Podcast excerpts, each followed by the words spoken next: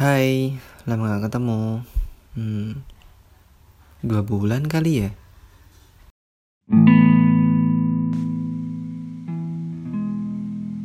Selamat datang di auditori, tempat di mana kamu dapat belajar dengan cara mendengar.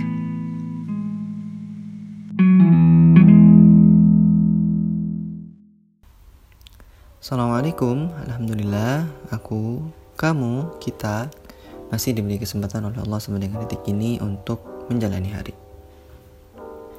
Ya, comeback. Alhamdulillah. Banyak yang nanyain juga sih gitu kayak lagi apa, ke mana aja, sibuk apa, kok gak upload-upload podcast gitu. Oke, okay, sorry to say disclaimer dulu nih. Ya, dua bulan yang lalu, dua bulan ini tuh sibuk memang, sibuk pol dua bulan yang lalu itu lagi sibuk-sibuknya prepare buat uas sama penelitian. Kemudian satu bulan ini lagi sibuk buat KKN dan ada project gitu kerja. Jadi ya secara umum kebanyakan sibuknya di kuliah. Itu kenapa kok bikin lagi? Ya, ya bikin dong harus tanggung jawab gitu ya. Udah di ghosting dua bulan masa? Oh, um, karena kan kita jauh tuh ngelihat data di Anchor itu masih banyak orang-orang yang dengerin gitu. Ya nggak tahu mereka dengerinnya episode-episode yang lama gitu. Sambil nungguin episode baru gitu ya mereka dengerin episode-episode yang lama. Jadi apa ya jadi semangat lagi gitu untuk rekaman dan edit buat diupload ke podcast gitu. Dan di comeback kali ini setelah ghosting dua bulan itu nggak tahu mau bahas apa. Mungkin kita bisa bahas pertanyaan-pertanyaan di section Instagram Story yang dulu kali ya. Karena ada pertanyaan yang belum dijawab juga. Pertanyaan um, ambil dua kali ya. Kemarin kan kalau yang kemarin ambil dua juga. Itu tentang open minded sama minimalism. Kalau sekarang mungkin ambil dua yang paling berkesan aja kali. Itu itu berkesan yang kemarin cuma yang sekarang diambil yang berkesan yang lain gitu. Oke. okay. Pertanyaan pertama, teman itu apa? Um, Oke, okay, berarti definisi teman menurutku gitu ya. Uh, kalau definisi teman menurutku adalah uh, seseorang yang selalu ada di sekeliling kita um, dalam keadaan apa pun. Ketika kita lagi senang, kita lagi sedih, susah, kita lagi ada di atas ataupun di bawah. Jadi orang-orang yang menemani di kala itu, kapan pun itu, ya itu teman entah itu keluarga bisa atau orang-orang ya bener-bener teman kita misalkan kayak teman kuliah atau teman main atau teman yang bener-bener teman aja gitu. Saudara dan lain sebagainya. Ya, orang yang selalu ada di sisi kita.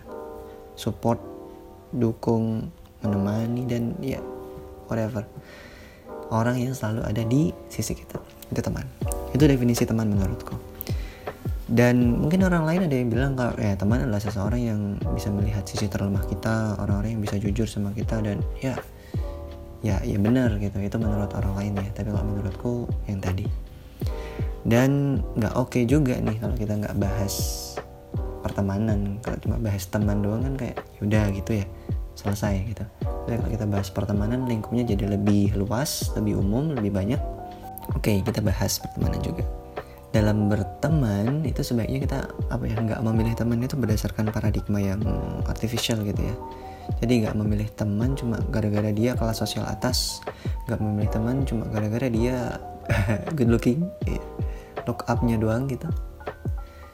Ya nggak berdasarkan gara-gara itu. Ya kita nyari teman kalau berdasarkan gara-gara itu ya justru motif pertemanan kita perlu dipertanyakan gitu ya. Kita benar-benar temenan sama dia gara-gara apa gitu benar-benar suka nggak gitu. Jadi berdasarkan hal tadi itu berteman seharusnya tidak hanya berdasarkan aspek mencari benefit atau keuntungan semata gitu sih. Dan dalam dunia pertemanan itu pasti ada yang namanya konflik ya kan? Masalah gitu. Dan konflik itu hadir kalau menurut tuh bukan menjadi penghalang tapi sebagai ujian gitu.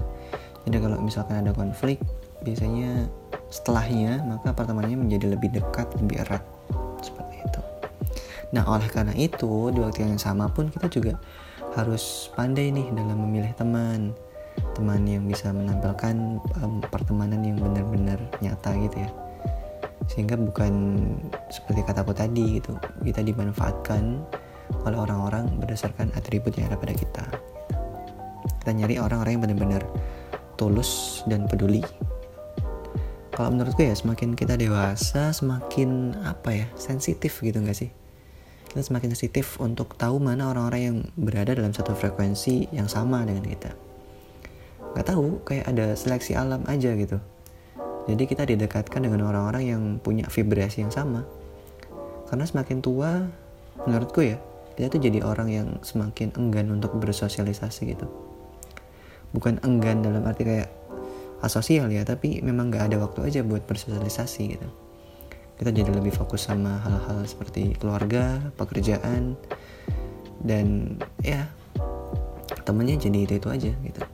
Lebih susah untuk apa ya membuka pertemanan dengan orang-orang baru.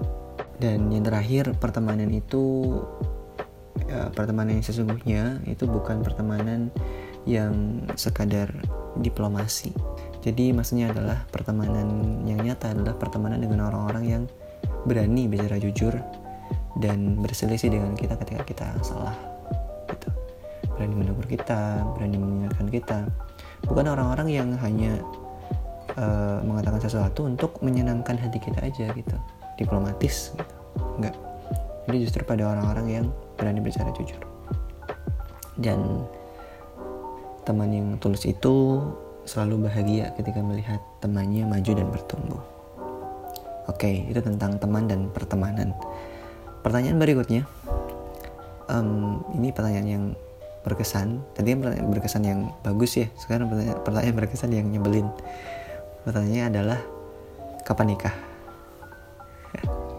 Gak tau kenapa mulai lebaran tahun ini ya itu pertanyaan kayak gini ini udah muncul gitu. Padahal sebelumnya enggak Lalu juga masih semester 6 masuk semester 7 kan berarti semester 7 sekarang.